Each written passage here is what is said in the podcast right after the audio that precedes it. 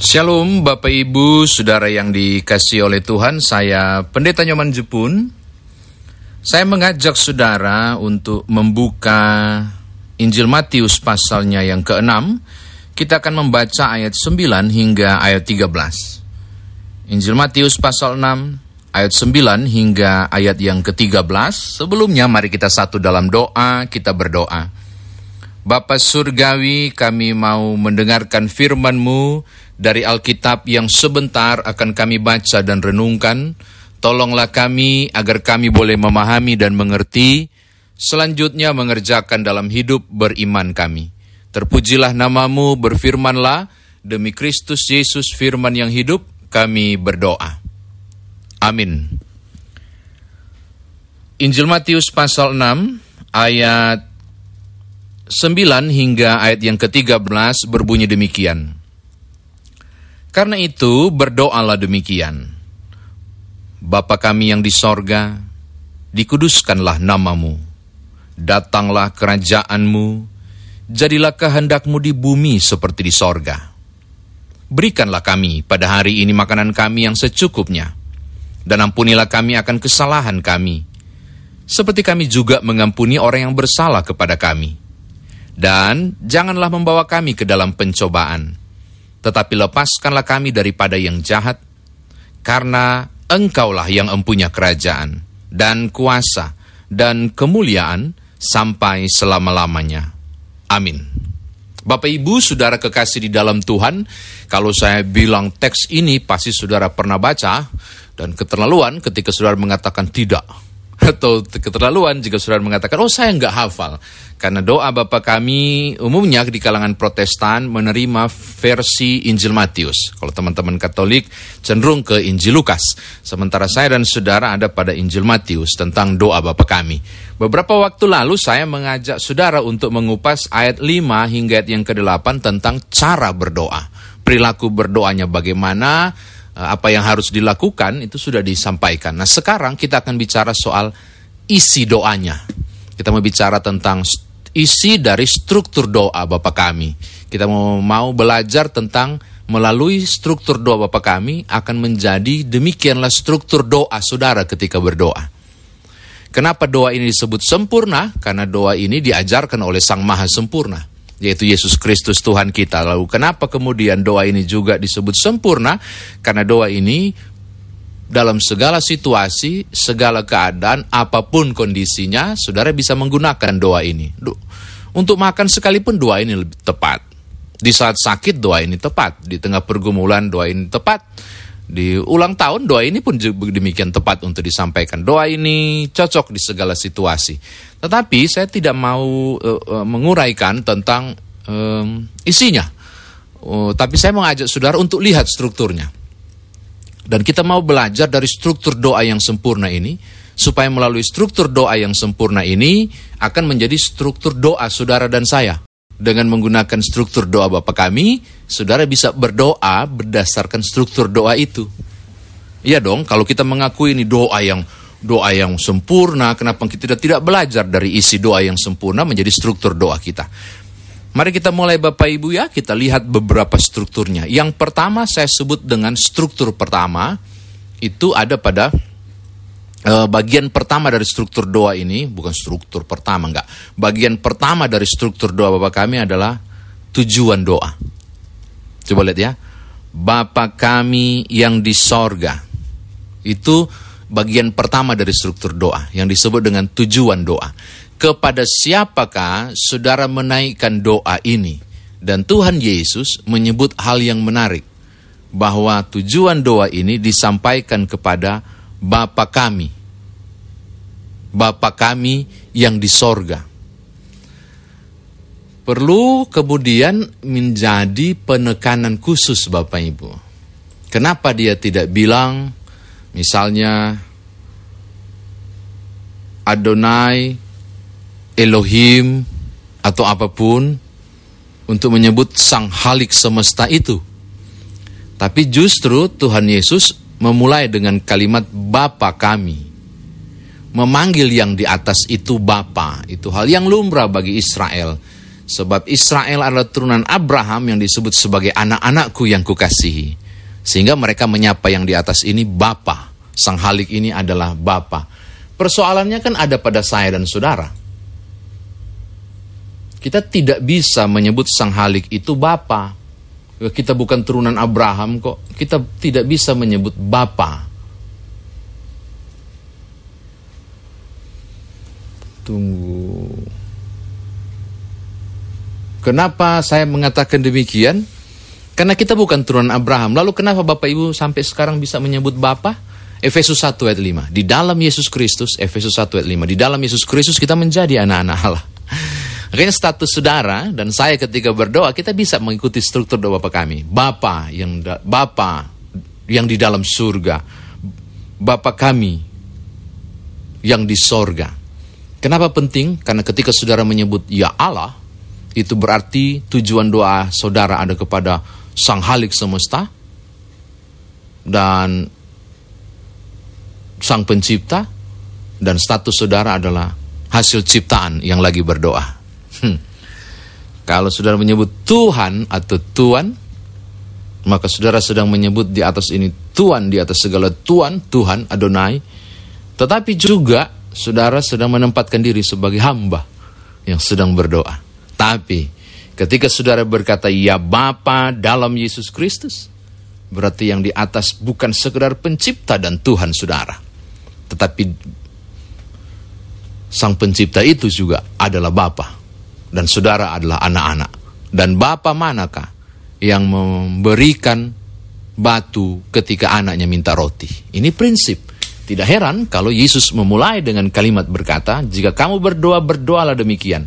Bapa kami yang di sorga. Bukan Tuhan pencipta semesta. Tapi Bapa kami yang di sorga. Ini menarik. Jalan pintas yang kita dapat. Toh? Jalur khusus yang kita dapat ketika berdoa. Oke? Okay?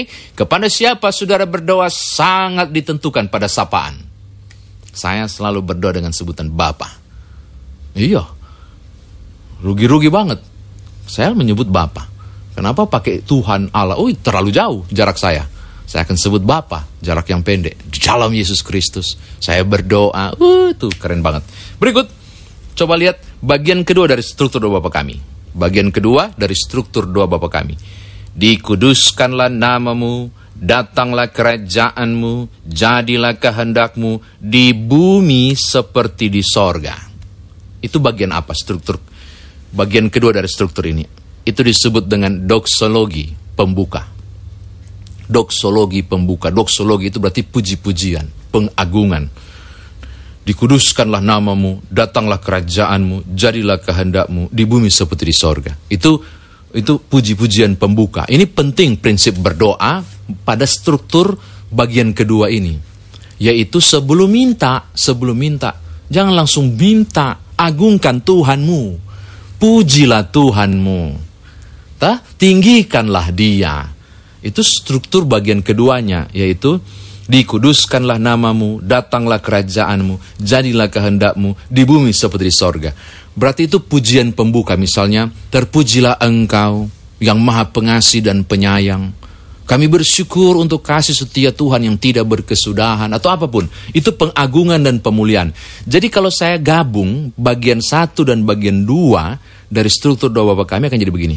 Ya Bapa dalam Kristus Yesus, sudah bisa tambahkan, Sang Pencipta langit dan bumi, kami memuliakan Engkau, struktur kedua, mengagungkan Engkau, syukur untuk kasih dan setia Tuhan yang tak berkesudahan dalam kehidupan kami. Engkaulah yang layak ditinggikan dan diagungkan. Itu dia penggabungan antara uh, dua bagian strukturnya.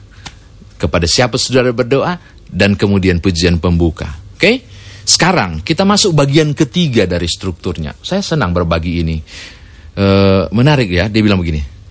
Berikanlah kami pada hari ini makanan kami yang secukupnya. Dan ampunilah kami akan kesalahan kami. Seperti kami juga mengampuni orang yang bersalah kepada kami. Dan janganlah membawa kami ke dalam pencobaan.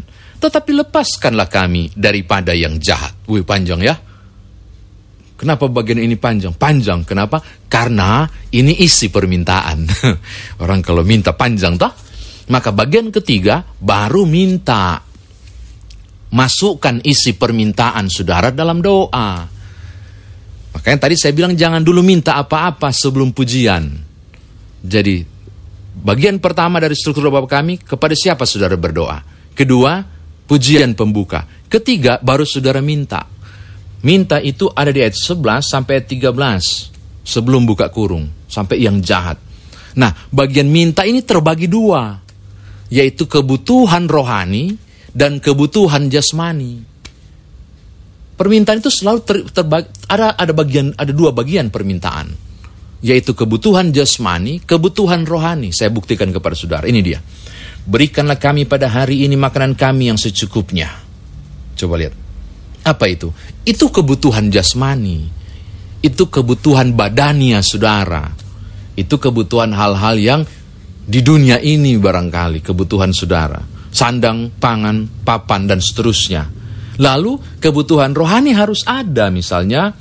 Dan ampunilah kami akan kesalahan kami seperti kami juga mengampuni orang yang bersalah kepada kami. Dan janganlah membawa kami ke dalam pencobaan, tetapi lepaskanlah kami daripada yang jahat. Ini bicara soal kebutuhan spiritual, kebutuhan rohani. Ketika saudara meminta, usahakanlah selalu menggandeng dua kebutuhan yaitu kebutuhan jasmani badani saudara dan kebutuhan rohani spiritual saudara. Bapa hamba berdoa dan memohon anugerahkanlah loh roh kepinteran, berkati pendidikan dan sekolah anak-anak, biar mereka bermasa depan di dalam Tuhan. Itu kebutuhan badani, itu kebutuhan jasmani. Tetapi juga anugerahkan mereka roh takut akan Tuhan.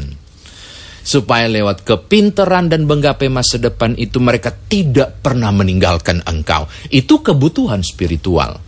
Jadi penting sekali ternyata ketika saudara menyimak isi dari struktur doa Bapa kami ini, saudara akan menemukan hal yang menarik. Bahwa permintaan itu selalu ada dua. Yaitu kebutuhan jasmani, kebutuhan rohani.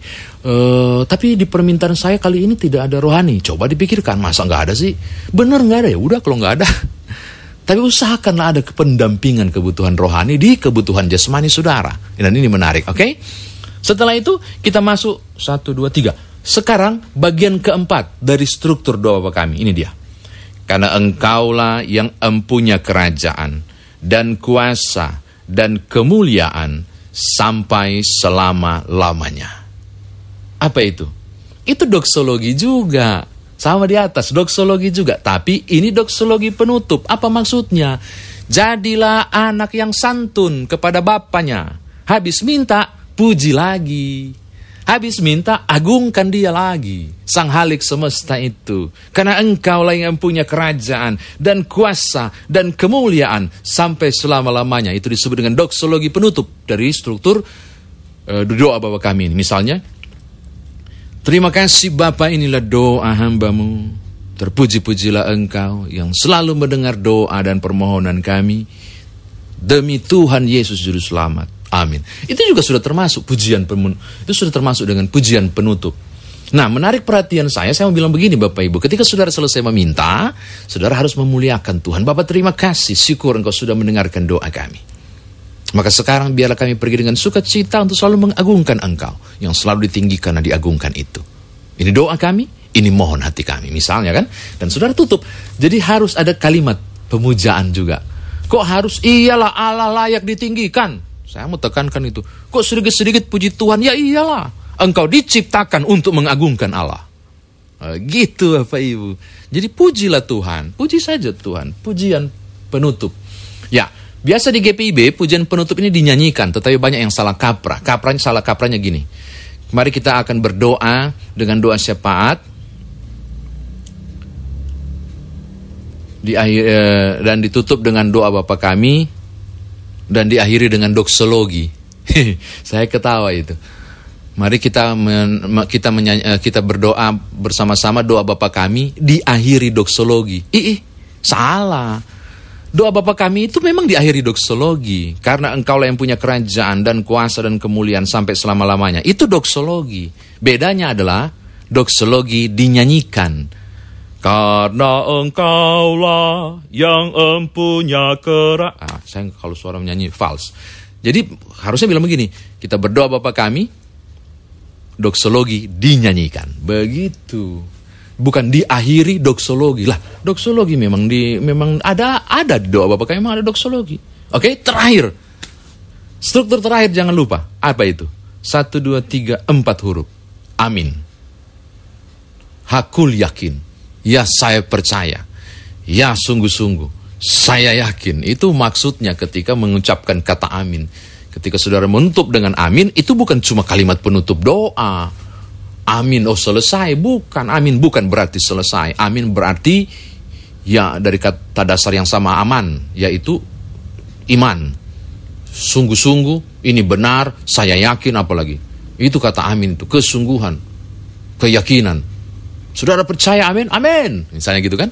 Jadi kata amin itu diucapkan dengan Tuhan saya sungguh-sungguh ini. Tuhan saya percaya engkau sudah mendengar doa. Misalnya gitu itu arti kata amin dalam pengertiannya. Jadi ketika saudara melihat doa, doa Bapak kami, saya berharap saudara mempelajari struktur lima struktur ini dan mulai praktekkan dalam disiplin doa saudara. Kenapa? Oh nanti kalau tanpa struktur ini nggak didengar nggak juga sih. Tapi kenapa? Kenapa nggak mau belajar? Dari struktur doa yang sempurna yang saudara akui doa Bapak kami sebagai doa sempurna. Belajar dari struktur doa itu mulai dengan sebutlah Bapa kepada siapa saudara berdoa. Lalu kemudian doksologi pembuka. Lalu permintaan terbagi dua, kebutuhan rohani dan kebutuhan jasmani. Lalu pujian penutup, lalu saudara tutup dengan amin. Oke, okay, selamat berdoa. Selamat mempersembahkan proseuke itu kata doa preseuke yang berarti membawa ke hadapan Tuhan. Apa yang saudara bawa harus yang bagus. Apa standar bagus dari doa? Struktur doa Bapa kami.